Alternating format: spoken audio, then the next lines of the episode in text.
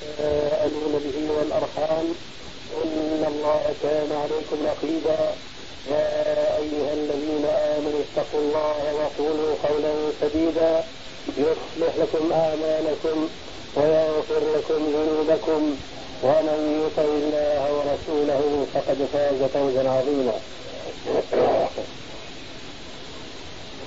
أما بعد فإن خير الكلام كلام الله.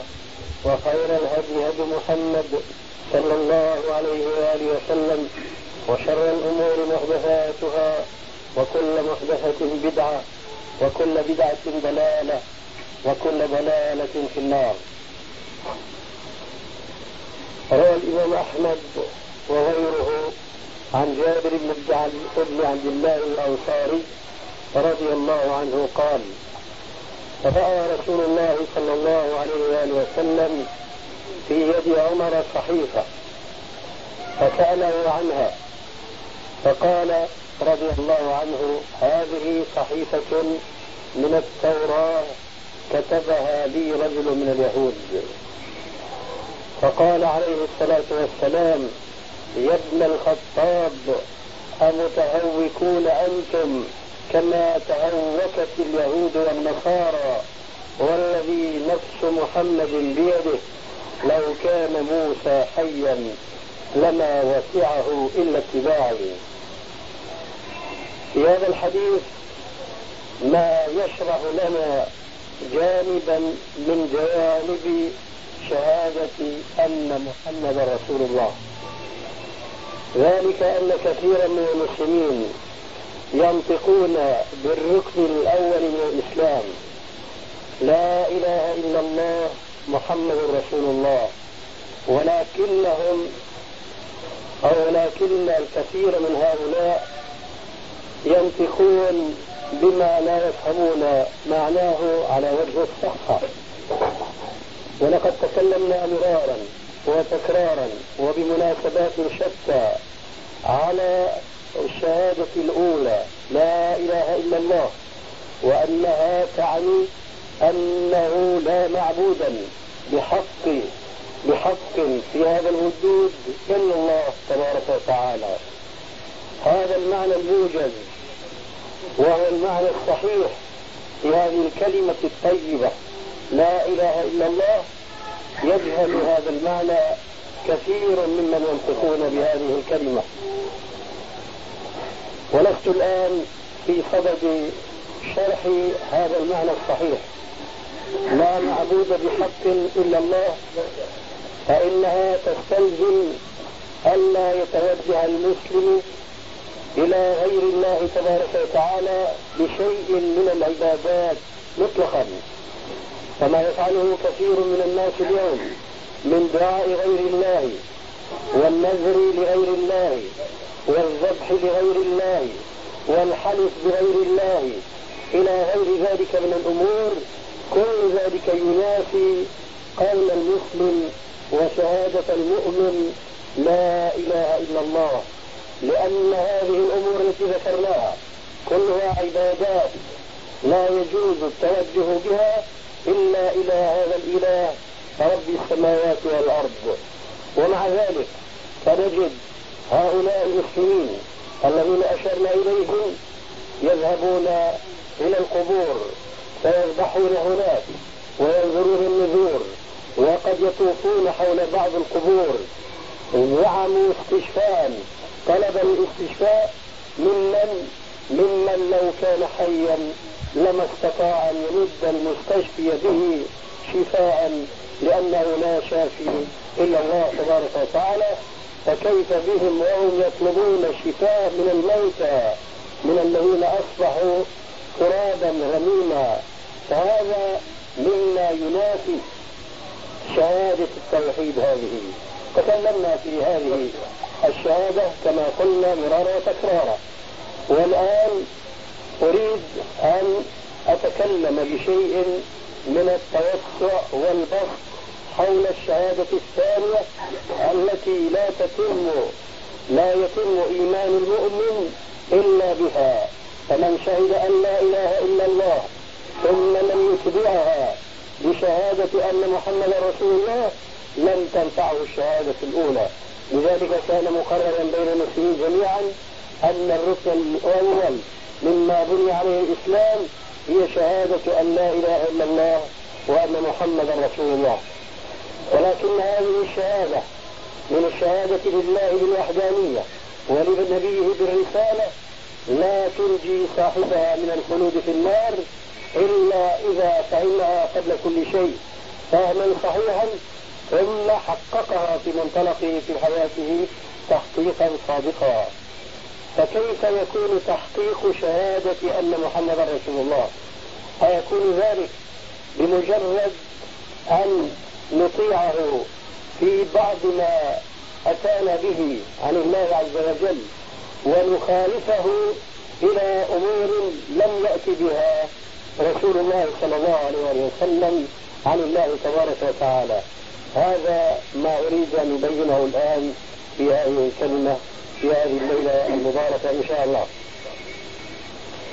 فيجب أن نعلم أن قول المسلم وأشهد أن محمد رسول الله أو وأشهد أن محمدا عبده ورسوله. لا يتحقق هذا المعنى حتى يخلص له عليه الصلاة والسلام في اتباعه كما يخلص لربه في توحيده. فمعنى الشهادتين أن تخلص لله عز وجل في عبادته فلا تشرك معه أحدا في شيء من العبادات كما ذكرنا. وأن تخلص للرسول عليه الصلاة والسلام في اتباعه فلا تشرك معه متبوعا غيره. فلئن فعل ذلك إنسان فلم يؤمن به إيمانا خالصا صادقا. مصداق هذا الذي أقوله حديث جابر السابق. فقد قال الرسول عليه الصلاة والسلام كما سمعتم لعمر والذي نفسي بيده لو كان موسى حيا ما وسعه إلا اتباعي. فإذا كان موسى عليه الصلاة والسلام وهو الذي كلمه الله تكليما وأنزل عليه التوراة مع ذلك لو كان في زمن الرسول عليه الصلاة والسلام ما وسعه إلا اتباعي. فكيف يكون حال من ليس من الأنبياء والرسل؟ فلا بد أن يكون هذا أوجب وأوجب أن يتبع الرسول صلى الله عليه وسلم. وما معنى يتبع الرسول؟ كمعنى يعبد الله. ما معنى يعبد الله؟ أي لا يعبد غيره. يعبد الله وحده لا شريك له. فما معنى يتبع الرسول؟ أي يتبع وحده لا يتخذ معه مشروعا غيره. وذلك لأن موسى نبي الله بل وكلم الله. فهذه الصحيفة التي رآها الرسول عليه السلام في وجهه كأنه يقول له ألم يكفك ما أتيتك يا عمر من الله من وحي السماء حتى تشرك فيما أتيتك به؟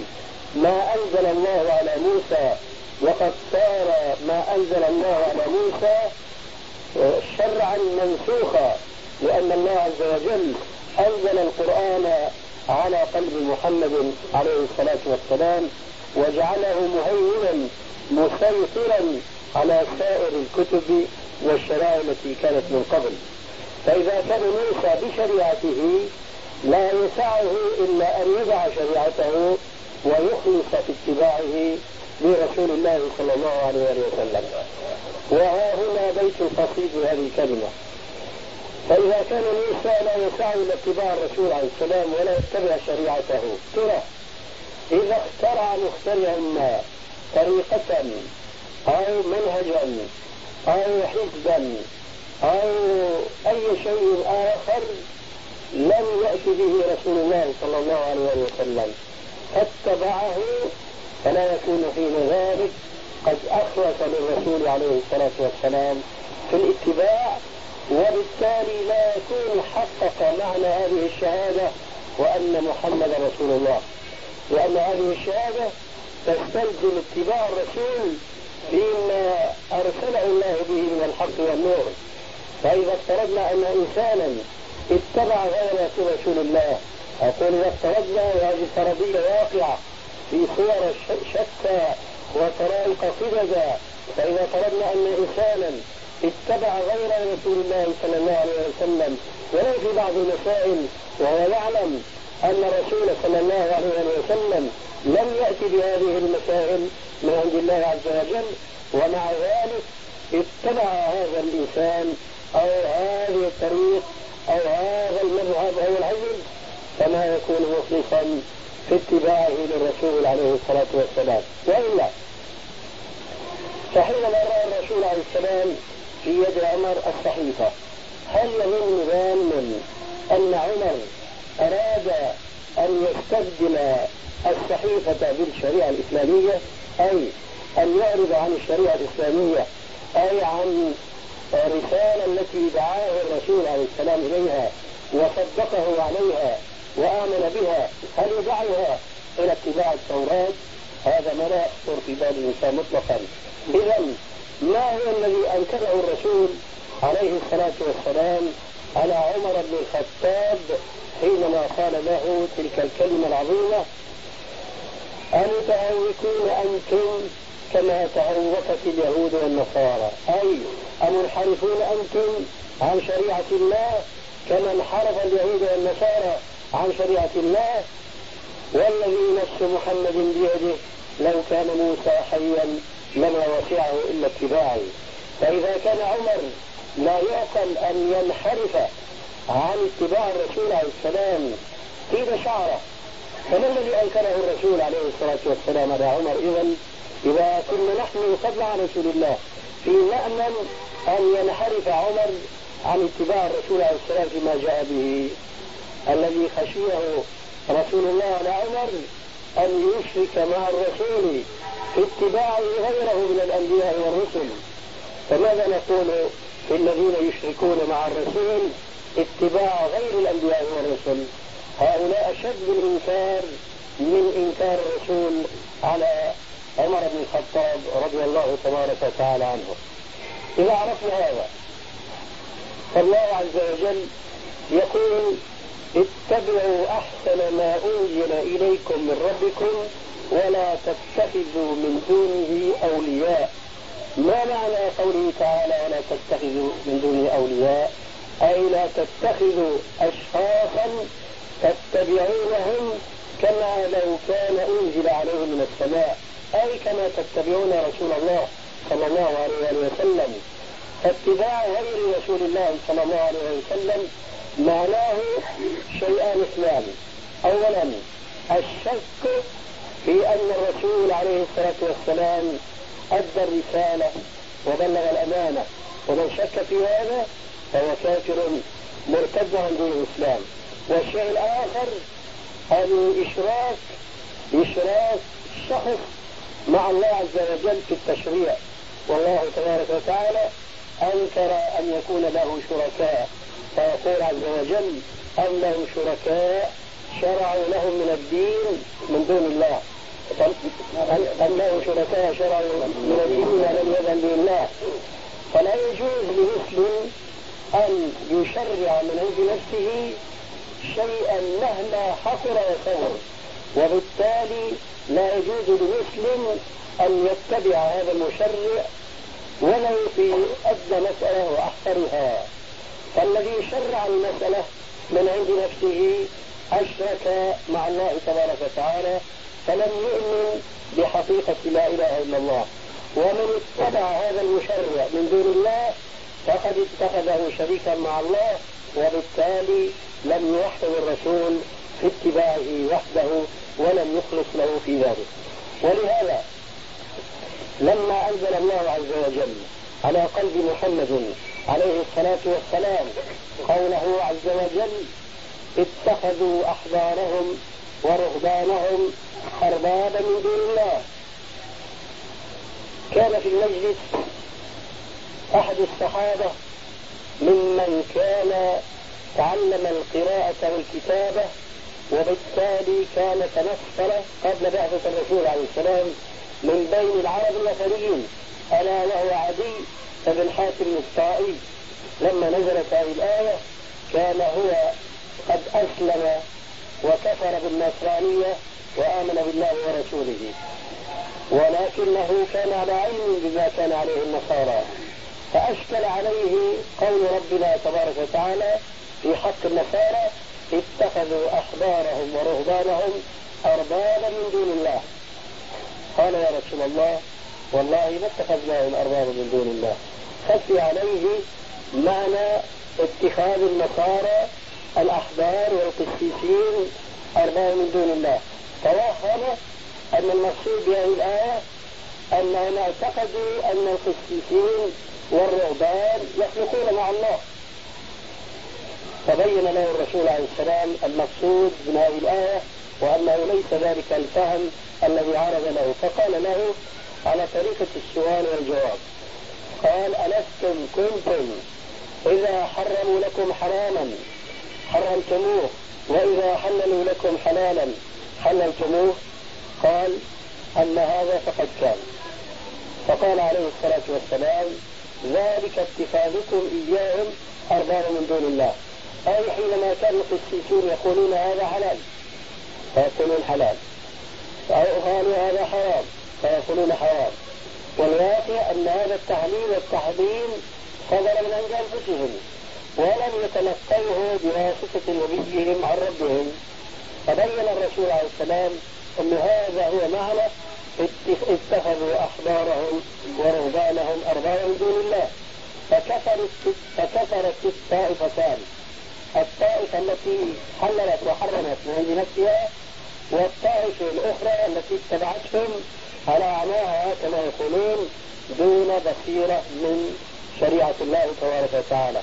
ولهذا فالمسلم إذا أخلص للرسول عليه الصلاة والسلام في الاتباع كان ذلك عصمة له من أن يخل في التوحيد لله تبارك وتعالى في عبادته. فكأن توحيد الله في عبادته وإفراد الرسول في اتباعه أمران مرتبطان لا ينفك أحدهما عن الآخر فمن أراد أن يكون من المؤمنين الصادقين المخلصين في شهادة أن لا إله إلا الله وأن محمدا رسول الله فلا بد له أن يوحد رسول الله في الاتباع كما يوحد الله في العبادة. فمن أخل بهذا أي من أخل في توحيد الرسول في الاتباع فشأنه شأن من أخل في توحيد الله في العبادة. فكل من التوحيدين إذا صح هذا التعبير توحيد الله في عبادته وتوحيد الرسول في اتباعه ركن من أركان الإسلام. إذا اختل أحدهما انهار هذا الإسلام من أسه وأصله وإذا عرفنا هذا يتبين لنا خطر ما وصل إليه بعض الناس اليوم من الإخلال بهذا الإخلاص لرسول الله في الاتباع. فجعلوا الإخلاص في الاتباع لغير رسول الله صلى الله عليه وسلم. ولا أذكر لكم بعض الأمثلة.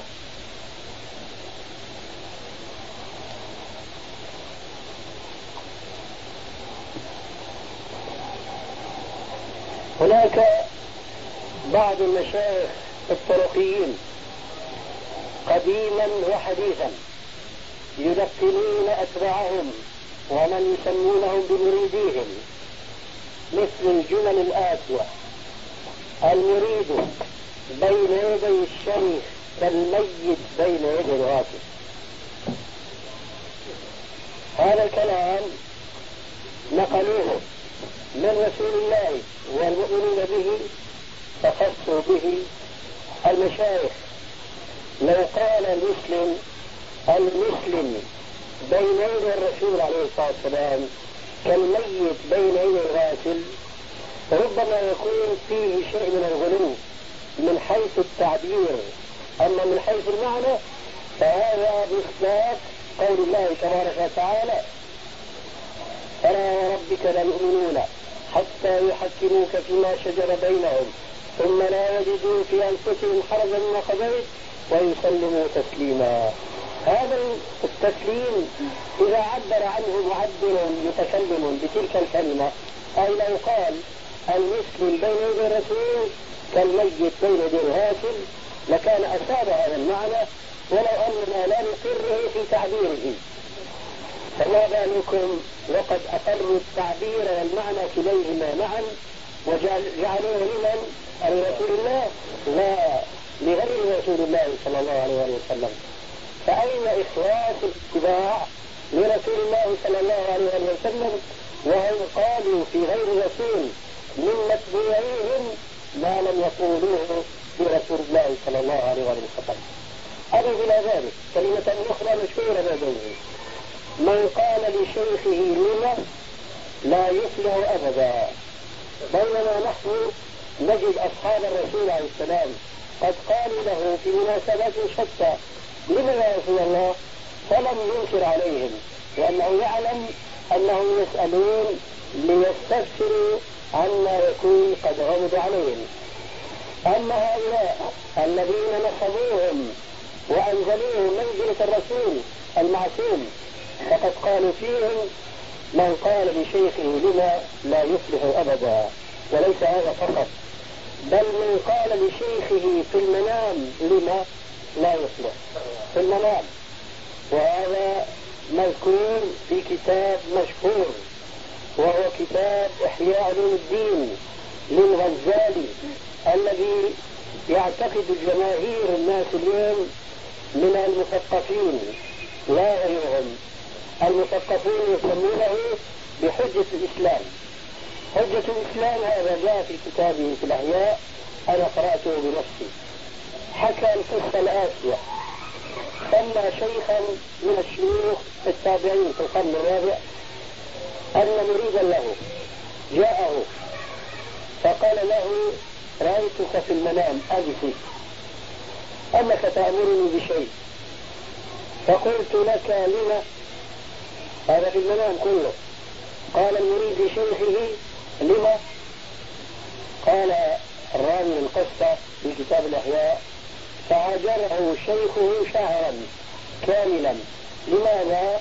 لأن مريده قال له في المنام وليس في اليقظة لما؟ هجره شهرا كاملا. وليس أن حجة الإسلام الغزالي أورد هذه القصة ومر عليها مر الكرام لا بل وقف عندها متفقها مستنبطا كما يفعل الفقيه المسلم في كتاب الله وفي حديث رسول الله فقال دلت هذه القصة على أن هذا المريد كان في قلبه زغل ضد شيخه لما؟ لأنه لو كان قلبه صافيا مع شيخه لم ير في منامه نفسه يقول له لما مع أن كل عالم يعلم أن الرؤيا التي يراها المسلم فهي تحتمل أن تكون واحدة من ثلاثة كما قال عليه السلام في الحديث الصحيح الرؤى ثلاثة رؤيا من الرحمن ورؤيا من تهاويل الشيطان أي تلاعبه الإنسان ورؤيا من تحديث النفس. فلما فسرت رؤيا هذا المريد المسكين بالتأويل بتأويل واحد من هذه التأويل. أي إن نفسه كانت تحدثه في أثناء النهار بالإعتراض على شيخه فرأى هذا في منامه مع أنه من الممكن أن تكون هذه الرؤيا من تعاليل الشيطان. بل لعل الشيطان أراد بهذه القصة أن يدل الشيخ نفسه قبل المريد ولا شك أن الشيخ حينما يهجر تلميذه المخلص له في الاتباع لأنه قال له في المنام لما لا يكون متبعا للشرع بل يكون ظالما له لأن قوله له لما لو خبر في قيد حياته في صحته وفي أخواته لم يكن في ذلك أي خطأ. وأي وزر فلا يجوز أن يهجر. لماذا؟ لأن الرسول عليه الصلاة والسلام يقول لا يحل لرجل مسلم أن يهجر أخاه فوق ثلاث. ثلاث أيام. لا لا يحل لرجل مسلم أن يهجر أخاه فوق ثلاث. يلتقيان. فيعرض هذا عن هذا. ويعرض هذا عن هذا وخيرهما الذي يبادر أخاه بالسلام. فإذا كان الرسول يقرر أنه لا يجوز هجر المسلم إلا ثلاثة أيام فما فوق ذلك حرام. فكيف يجوز للشيخ العالم ذي الأخلاق الكريمة ومنها التواضع والألفة والمعشر الحسن كيف يجوز أن يهجر أخاه المسلم ليس ثلاث أيام بل شهرا كاملا لمجرد أنه قال له في المنام لما؟ تنظروا كم انحرف المسلمون عن إخلاص الاتباع للرسول عليه السلام. بل لقد انعدم هذا الاتباع بالكلية من أمثال هؤلاء حيث نقلوه من اتباع الرسول إلى اتباع الشيخ. ولذلك وقعنا في مشكلة التي نحياها اليوم.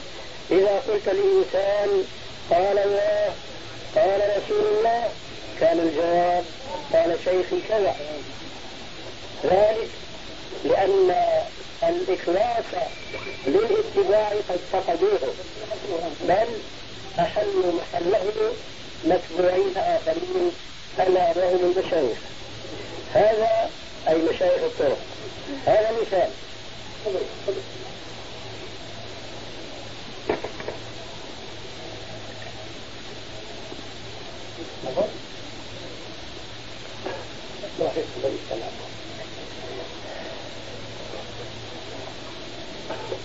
ومثال آخر. له علاقة في واقعنا وحياتنا القريبة اليوم. فقد انقسم مع الأسف الشديد. المسلمون انقسامات جديدة وانقسموا إلى أفكار حديثة وكل يدعي بأنه ينصر الإسلام ويريد أن يقيم صرح الإسلام شامخا عاليا. ومع ذلك إذا ما دعوا إلى الله ورسوله قال كل من الحزب أحزاب نحن رأينا هكذا. فأين تحقيق الاتباع للرسول عليه السلام إذا قيل لهم قال رسول الله صلى الله عليه وسلم في الحديث الصحيح وهذا معروف هذا الجميع. تفرقت اليهود والنصارى على اثنتين وسبعين فرقة وستفترق أمتي على ثلاث وسبعين فرقة. كلها في النار إلا واحدة قالوا من هي يا رسول الله؟ قال هي الجماعة. وفي رواية مفسرة مبينة هي ما أنا عليه وأصحابي. كلهم يعلمون هذا الحديث. فإذا دعيتهم إلى اتباع السلف الذين هم الميزان في معرفة الفرقة الناجية من الفرق الهالكة لقول الرسول عليه السلام حينما سئل من هي هذه الفرقة الناجية؟ قال هي ما أنا عليه وأصحابي. فإذا حينما يدعى المسلم إلى تحقيق الاتباع الانحراف عن الإخلاص في اتباع الرسول عليه السلام. كان يقول لهم اتبعوا ولا تبتدعوا فقد كفيتم.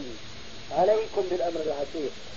أي عليكم ما كان عليه الرسول عليه الصلاة والسلام دون زيادة أو نقصان.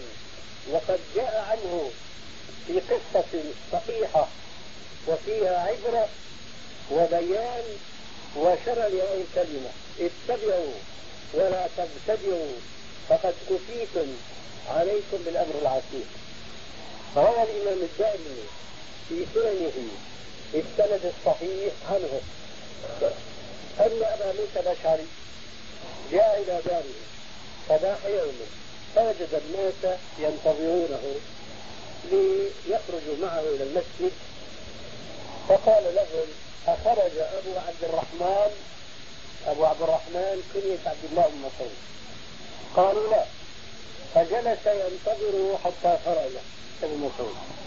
فقال يا أبا عبد الرحمن لقد رأيت في المسجد آنفا شيئا أنكرته ومع ذلك والحمد لله لم أرى إلا خيرا. قال ماذا رأيت؟ قال إن عشت فستراه رأيت أناسا حلقا حلقا وفي وسط كل حلقة منها رجل يقول لمن حوله سبحوا كذا كبروا كذا احمدوا كذا. وأمام كل رجل منهم حسى يعد به التصبيح والتكبير والتحميد. قال ابن مسعود أفلا أنكرت عليهم؟ قال لا. انتظار أمرك أو انتظار رأيك. فعاد ابن مسعود إلى داره وخرج متقنعا لا يرى إلا عيناه. ثم انطلق إلى المسجد فوقف على أصحاب الحلقات حتى رأى ما ذكر له أبو موسى. فكشف عن وجهه لثام وقال أنا عبد الله بن مسعود صحابي رسول الله صلى الله عليه وآله وسلم. ويحكم ما هذا الذي تصنعون؟ قالوا والله يا أبا عبد الرحمن حصى. يعني بالتعبير العامي ما فيها شيء شغلة بسيطة. حصى. نعد به التسبيح والتكبير والتحميد. قال عدوا سيئاتكم وأنا الضامن لكم ألا يضيع من حسناتكم شيء. عدوا سيئاتكم وأنا الضامن لكم ألا يضيع من حسناتكم شيء.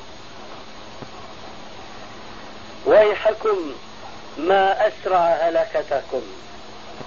هذه ثيابه صلى الله عليه وآله وسلم لم تبلى وهذه آنيته لم تكسر. والذي نفسي بيده أئنكم أهدى من أمة محمد صلى الله عليه وآله وسلم أو إنكم متمسكون بذنب ضلالة. فقالوا والله يا أبا عبد الرحمن يقولون معتذرين عما فعلوا. ما أردنا إلى الخير. قال وكم من مريد للخير لا يصيبه؟ إن محمدا صلى الله عليه وآله وسلم. حدثنا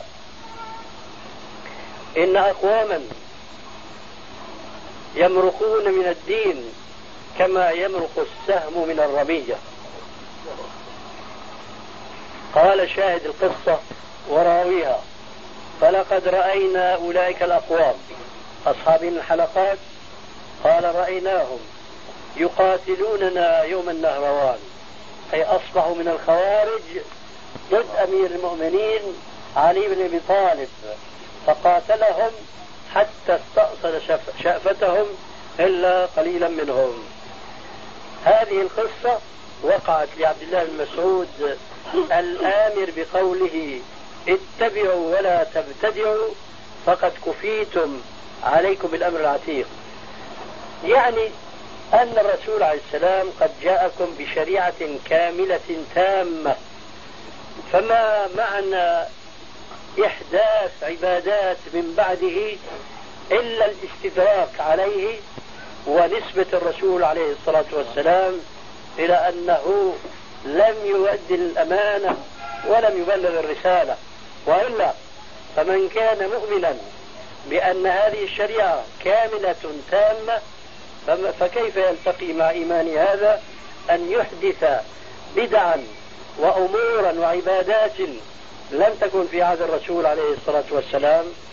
هذه أمور متناقضة متنافرة أن يؤمن الإنسان بأن الشريعة كاملة ثم هو يأتي بزيادات يلحقها بها فهذه الزيادات بلا شك ليست منها.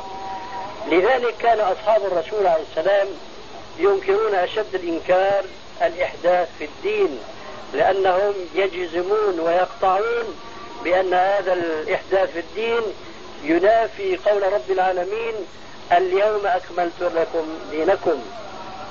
وأكمل اليوم أتممت اليوم أكملت لكم دينكم.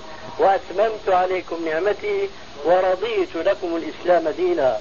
فالزيادة على هذا الإسلام ينافي هذه الآية الكريمة حيث امتن الله عز وجل بأنه أكمل علينا النعمة بإتمام الدين.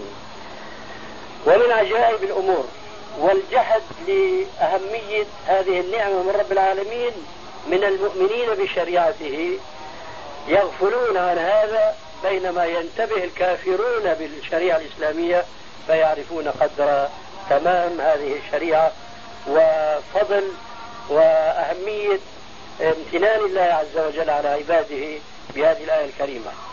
ذلك أن رجلا من اليهود جاء إلى عمر بن الخطاب في خلافته فقال يا أمير المؤمنين آية في كتاب الله يعني في القرآن لو علينا معشر يهود نزلت لاتخذنا ذلك اليوم عيدا. آية عندكم يا معشر المسلمين. آية في كتاب الله في القرآن الكريم. يقول الرجل اليهودي لو علينا معشر يهود نزلت لاتخذنا يوم نزولها عيدا. قال عمر ما هي؟ قال قوله تعالى اليوم أكملت لكم دينكم. وأتممت عليكم نعمتي ورضيت لكم الإسلام دينا. قال عمر إنها نزلت في يوم عيد.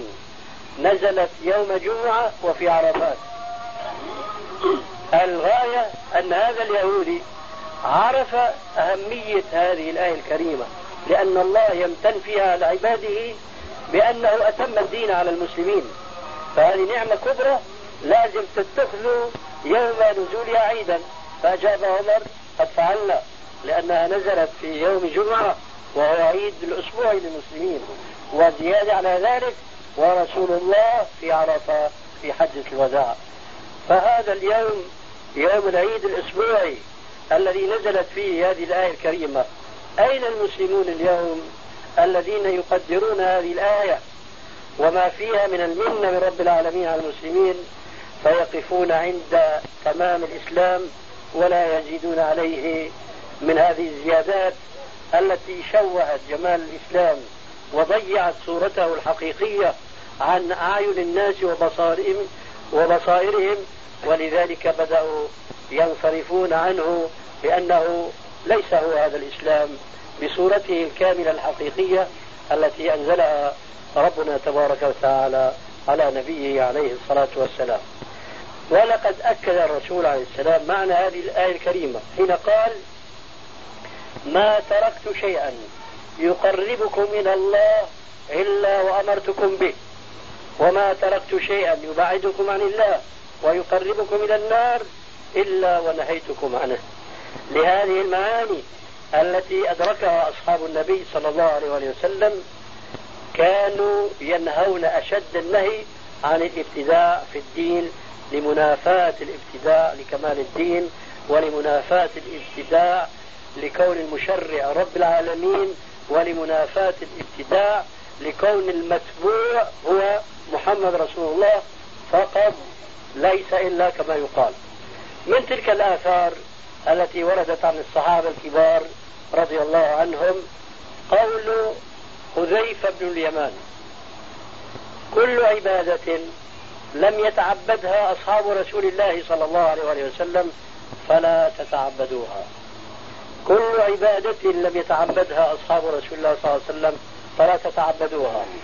ومن ذلك وهو أوضح في إنكار زيادة في الدين قول عبد الله ابن عمر بن الخطاب رضي الله عنهما كل بدعة ضلالة وإن رآها الناس حسنة. كل بدعة ضلالة وإن رآها الناس حسنة.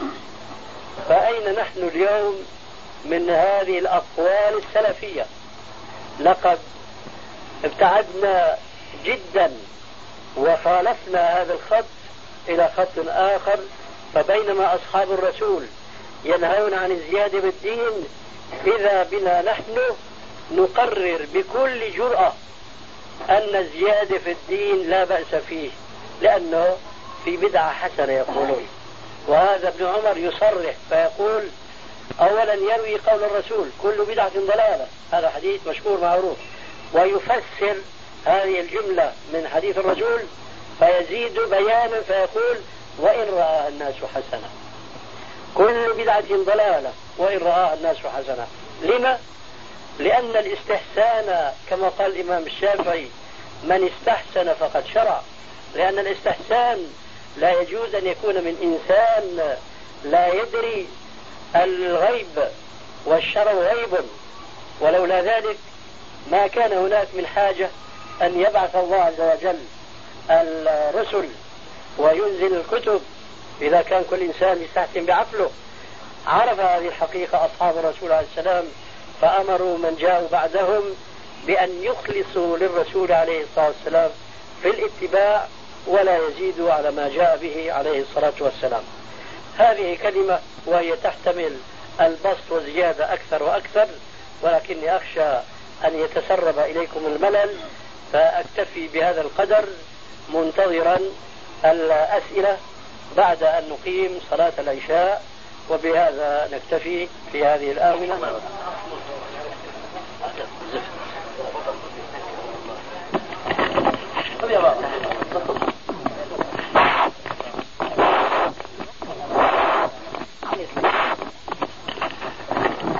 هو رسول يقول هو الدار تطلق وتعني المتصرف الدار.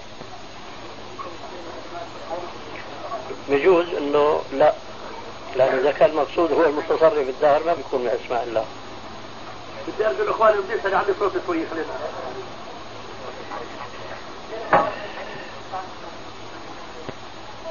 إيه صح أحسنت. يا إخواننا آداب المجالس آداب المجالس هي الآداب التي جاء بها الإسلام. أما ما لم يأتي به الإسلام منها فليست من الآداب. وهذا باب واسع. والكلمة السابقة لو تأملنا فيها لا صفينا مما عليه نحن اليوم مئات المسائل والأعمال. ومنها ما نحن في صدده الآن. فجرت العادة أن الساقي إذا أراد أن يسقي الحاضرين بدأ بكبير القوم ورئيسهم وأفضلهم وسيدهم. هكذا العادة. لكن السنة على خلاف ذلك. السنة على خلاف ذلك. وبيانه. فيما رواه الإمام البخاري ومسلم في صحيحيهما. وين صاحبك؟ في الكلمة كلها مشان الأخ اللي كان هون أنت سامع؟ أهلا وسهلا. روى البخاري ومسلم في صحيحيهما. من حديث أنس بن مالك رضي الله عنه. وحديث سهل بن سعد رضي الله عنه أن النبي صلى الله عليه وآله وسلم أتى دار أنس بن مالك. هو وبعض أصحابه. فاستسقى أي طلب السقيا. فأتي رسول الله صلى الله عليه وآله وسلم بقعب أي كأس كبير فيه لبن أي حليب قد شيب بماء أي خلط بماء. فشرب رسول الله صلى الله عليه وآله وسلم. وبقي في القعب بقية أي سؤر وكان عن يمين رسول الله صلى الله عليه وسلم ابن عباس. وهو بعد غلام لم يبلغ سن التكليف وفي رواية رجل من الأعراب وعن يساره أبو بكر والأشياخ من قريش. فالتفت رسول الله صلى الله عليه وسلم يريد أن يعطي من عن يمينه. وكان في المجلس عن يساره عمر. فكأنه يلمح للرسول أبو بكر هو سيد القوم بعد الرسول عليه السلام. فقال الرسول عليه السلام لمن عن يمينه أتأذن أن أعطيه؟ قال والله يا رسول الله لا أوثر أحدا على فضلة شرابك. فأعطاه وقال الأيمن فالأيمن الأيمن فالأيمن. بعض الناس يظنوا أن هذا الحديث بدل على أن الساقي لازم يبدأ بكبير القوم لأن الساقي هناك بدأ بالرسول عليه السلام. لكن غفل هذا عن أن الساقي إنما بدأ بالرسول عليه السلام لأنه طلب السقيا. يعني بلا تشبيه. هذا طفل صغير أول ما حضرنا طلب السقيا. فجبت له كاسة مي. قال معناه أنك أعطيته لأنه هو بيستحق لأنه سيد القوم أعلم القوم ولا لأنه طلب. لأنه طلب. فالرسول عليه السلام في ذاك المجلس إنما أعطاه الساقي لأنه طلب الرسول عليه السلام السقيا. بدليل أنه ما جاب آه، كؤوس عديدة وإنما كأس واحد. فشرب ما شرب وبقي فضله. فهذه الفضلة لابد ما ياخذها واحد من أهل المجلس. ما في كاسات مثل ما تفضل أنت الآن قهوة وشاي ومدري إيش. لا ما في. فهذه البقية الباقية في الكأس. لمن أعطاها الرسول عليه السلام؟ لا لمن عن يمينه ابن عباس. أبو بكر كان عن يساره. ما أعطاه إياها. كان عن يمينه ابن عباس. استأذنوا أنه يعطي لأبو بكر. قال له لا. هو قصد أبو بكر الأول. مش قصد لا. أو أراد ان إيه، عمر انتبه لما أقول. عمر أراد أن الرسول يعطي لابو بكر لأنه سيد القوم. لكن الرسول يعلم بوحي السماء أنه ينبغي أن يبدأ بيمينه مش بكبير القوم. فاراد فأراد أن يلفت نظر من عن يمينه اللي هو بيستحق إنه آخر أنت ابا بكر. هذه هو ياخذ قال له والله يا رسول الله لا أوثر أحدا على فضلة شبابك قال له تفضل. أنت أحق بها من كبير القوم أي من أبو بكر.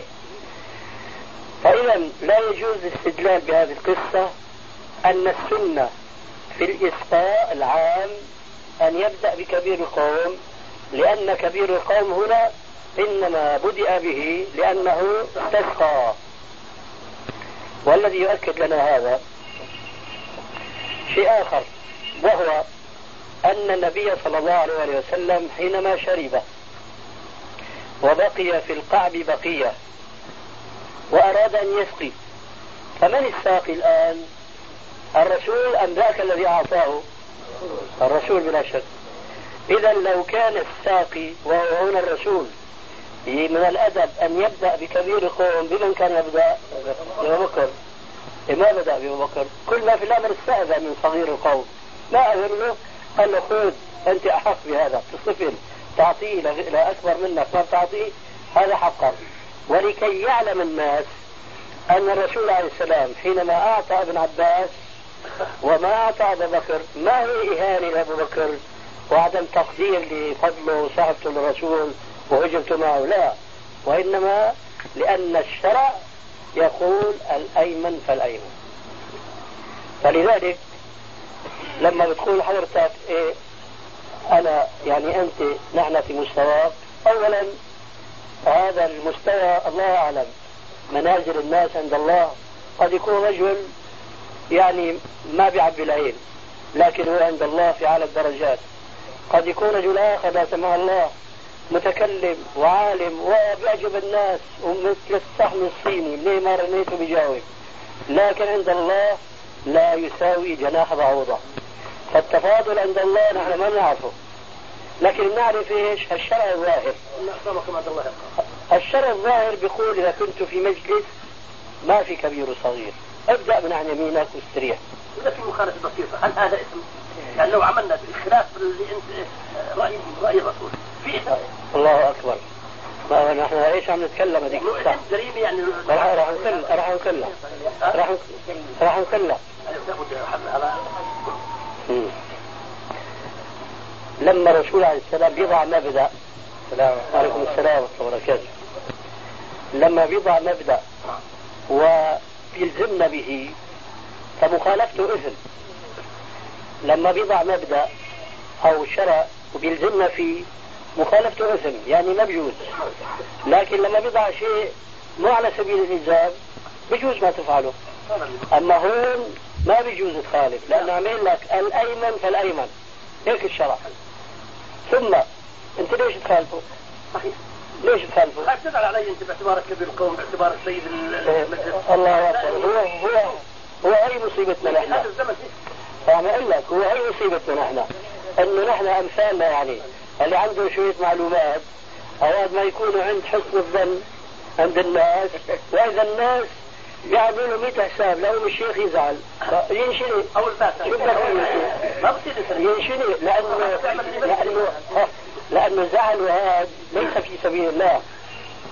أنت خاف من زعله إذا كنت عم تزعله لانك خالفت الشرع اللي عم يبين لك إياه. أما لما هو بخالف الشرع لا تبالي به. هن لازم يرشدونا ويرشدونا مو لازم يضللونا بأقوالنا وأفعالنا. فأنا بهالمناسبة راح أوريكم الحديث خطير جدا بحق العلماء الذين يقولون ما لا يفعلون. يقول الرسول عليه الصلاة والسلام والحديث في صحيح البخاري مش حديث من احاديثك اللي حاطط لي مدري قديش؟ قيمتها ضيعت مالك طيب. يروي الإمام البخاري في صحيحه. من حديث أسامة بن زيد. قال قال رسول الله صلى الله عليه وسلم يؤتى بالعالم يوم القيامة. بالعالم ولا بالجاهل؟ العالم شوف شو مصيره؟ يؤتى بالعالم يوم القيامة فيلقى في النار. رأسا يلقى في النار رأسا. فتندلق أقطاب بطنه مصارينه بيطلعوا لبرا ويدور في النار كما يدور الحمار بالرحى. فيطيف به أهل النار. متعجبين. يرونه فيتذكرونه. قالوا يا فلان ألست كنت تأمرنا بالمعروف وتنهانا عن المنكر؟ فيقول نعم كنت آمركم بالمعروف ولا آتيه وأنهاكم عن المنكر وآتيه. هذا العالم ما له قيمة عند الله. لا يساوي عند الله جناح بعوضة. ولذلك يقول أهل العلم وعالم بعلمه لم يعمل معذب من قبل عباد الوثن. وجاء في حديث آخر في صحيح مسلم من حديث أبي هريرة رضي الله تعالى عنه قال قال رسول الله صلى الله تعالى عليه وآله وسلم أول من تسعر تشعل بهم النار يوم القيامة ثلاثة عالم ومجاهد وغني. هذول لازم يكونوا في أعلى الدرجات. وإسلام بيصبحوا في النار قبل كل شيء أول من تسعر بهم النار يوم القيامة. عالم ومجاهد وغني يؤتى بالعالم. فيقال له أي عبدي ماذا فعلت بما علمت؟ فيقول يا ربي علمته نشرته بين الناس في سبيله. يقال له كذا إنما علمت ليقول الناس فلان عالم. ما مثل عالم. وقد قيل خذوا به إلى الناس يعني أنت كنت تعلم الناس لا في سبيل مرضاتي وإنما في سبيل شهرتك وانتشار صيتك بين الناس. ليقول الناس فلان عالم والذي أردته حصلته. قد قال الناس عنك عالم فقد أخذت أجرك فخذ جزاءك اليوم. يوم لا ينفع مال ولا بنون إلا من أتى الله بقلب سليم. هذا العالم ما أتى الله بقلب سليم. بل أتى الله بقلب مليء بالإيش؟ الرياء وحب الظهور والسمعة الحسنة. قد قيل خذوا به إلى النار. هذا العالم. ثم يؤتى بالمجاهد. فيقال له ماذا عملت فيما أعطيتك من قوة. فيقول يا ربي قاتلت في سبيلك. فيقال له كذبت. إنما قاتلت ليقول الناس فلان عالم. تعطل فلان مجاهد. وقد قيل كمان أنت أخذت جزاء في الدنيا. قيل فلان مجاهد فلان بطل. خذوا به إلى النار. ثم يؤتى برجل غني فيقال له أي فلان؟ ماذا عملت فيما أنعمت عليك من مال؟ فيقول يا ربي بثثته وأنفقته في سبيلك. فيقال له كذبت إنما فعلت ليقول الناس فلان كريم. وقد قيل خذوا به إلى النار.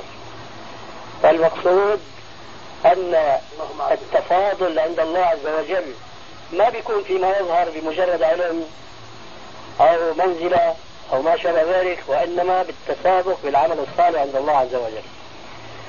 والخلاصة أن من أدب المجالس أن الساقي يبدأ بيمينه. مش بكبير الخوف. ويمكن إذا أخذت بهالمبدأ أنت وغيرك ممن عادته أن يفتح أبواب منزله للضيوف. آه. يمكن ترتاح. ليش؟ قد يجيك شيخين فبدك بقى تكون عالم بتاريخ الرجال. يا ترى أيهما أفضل؟ أيهما أعلى؟ قد يجيك كبير وصغير بالسن يعني. هذا قاضي وهذا مفتي. يا ترى القاضي مقدم على المفتي؟ بدك تشوفها بروتوكولات مخصصة معينة. وما أظنك يعني في عندك قائمة من الرسميات هذه. لكن بقى إذا بدك ترتاح الأيمن فالأيمن. فنتبع هذا إن استطعنا إلى ذلك سبيلا. تستطيع بإذن الله. صحيح بس بدك تمشي. وإذا وإذا عزمت فتوكل على الله. سماحتك إنه اللي حطهم ربنا في النار؟ المجاهد والعالم كذا. يظلوا إلى الأبد ولا بيرجعوا كإسلام لا بيرجعوا. بينقذهم شهادة لا إله إلا الله. بارك الله لا نعم يعني ملحق السؤال نعم. تفضل يعني ألف باء. اسمعوا يا أخوان. طبعا بالنسبة كمان لما يكون جلوس الناس في بفوت واحد يعني القيام. نعم. يعني هذا واجب ولا غير واجب؟ هذا أيضا ليس من آداب المجالس في الإسلام والله يعينك